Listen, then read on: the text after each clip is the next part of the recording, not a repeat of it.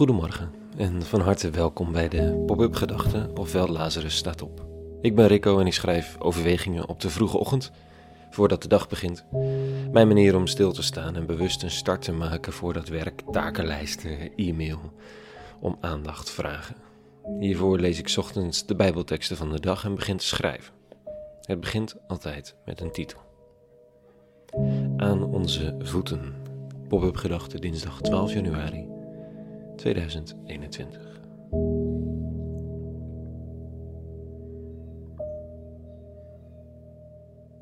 De wereld ligt aan je voeten, alles is nog mogelijk. Maak er wat van, leef. Het zijn quotes die passen bij eh, de middelbare scholier of de jonge ondernemer, motiverend bedoeld, geuit door mensen die mogelijk al lang vastzitten in allerlei verantwoordelijkheden, waardoor ze niet zo makkelijk kunnen reizen, kiezen of nog vormgeven aan hun leven. Het klinkt altijd net een beetje te optimistisch, omdat het de hoop verraadt van degene die spreekt. Hoop om via het leven van de ander zelf nog een beetje meer te kunnen leven.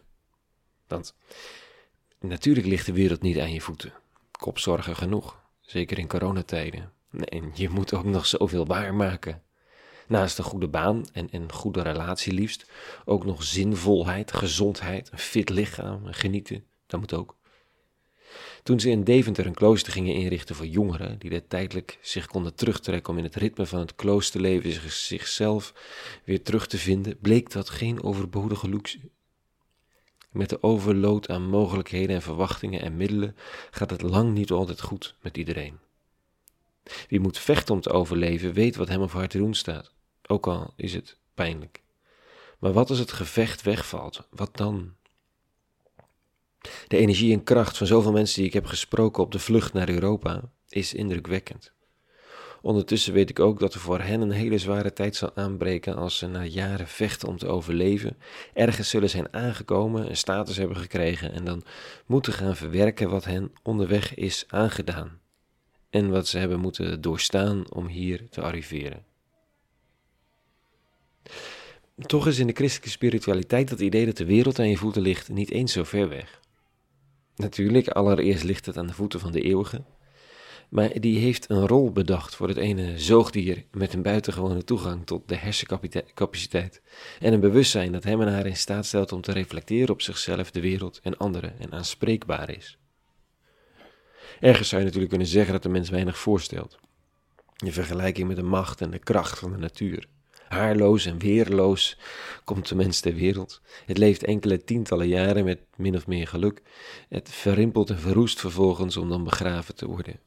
De mens krimpt in één, net als de dieren op het veld als de donder en de bliksem losgaan. Het wordt hopeloos meegezogen door de zee als het water net even wat feller wordt.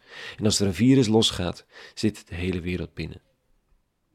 Die mens, dat is de mens die aangesproken wordt en aan wiens voeten de wereld ligt volgens de psalmdichter vanochtend in elk geval. Dit is de achtste uit het liederenboek Psalmen.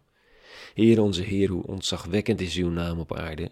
Wat is dan de sterveling dat u aan hem denkt, het mensenkind dat u naar hem omziet? Niet veel minder dan een engel hebt u hem geschapen, hem omkleed met schoonheid en met pracht, heel uw schepping aan hem onderworpen, alles aan zijn voeten neergelegd. Runderen, schapen, overal. Ook de wilde dieren op het veld, vogels in de lucht, vissen in de zee, alles wat wemelt in de oceaan. Het is een fascinerende tegenstelling. Ik bedoel, wat is de mens precies? Een sterveling nog wel. En toch ook briljant gemaakt, zo'n mens. Uniek ten opzichte van alle andere zoogdieren. En er ligt iets aan onze voeten. Misschien niet op de manier van een jonge briljante ondernemer of de middelbare scholier. Maar als nou, verantwoordelijkheid. Jij en ik. Aan ons is de zorg toevertrouwd van al het levende en materiële wat ons pad kruist. Bij elke spin en vogel, elke, elk stuk water en elke ander die we tegenkomen, mag de vraag oplichten wat ons te doen staat, hoe te zorgen, wat te betekenen. Met grote mogelijkheden komt grote verantwoordelijkheid. Soms zien we niet de verantwoordelijkheid en worden heen en weer geslingerd tussen allerlei mogelijkheden. Dan maar even het klooster in te Deventer om weer grond onder de voeten te voelen. Soms zien we niet de mogelijkheden en gaan gebukt onder een niet te torse verantwoordelijkheid. Ook dan maar weer het klooster in te Deventer, of een psycholoog of een mentor of wat. Toch gaan ze beide niet weg, de mogelijkheid en de verantwoordelijkheid. En zijn ze voor velen op hun plek gevallen, zoals in deze psalm, een kwetsbare, sterfelijke mens met bijna oneindige mogelijkheden, die in het besef dat de wereld aan zijn of haar voeten is gelegd, besluit om te dienen waar hij of zij kan, in de hoop door de zorgzaamheid recht te doen aan de zorgzaamheid waarmee de wereld in elkaar is gezet. Zoiets. Tot zover vanochtend. Veel losse gedachten en zoeken tasten naar wat het betekent om mens te zijn. Veel meer is het niet. Morgen weer een nieuwe pop-up gedachte. En voor vandaag vrede gewenst. En alle goeds.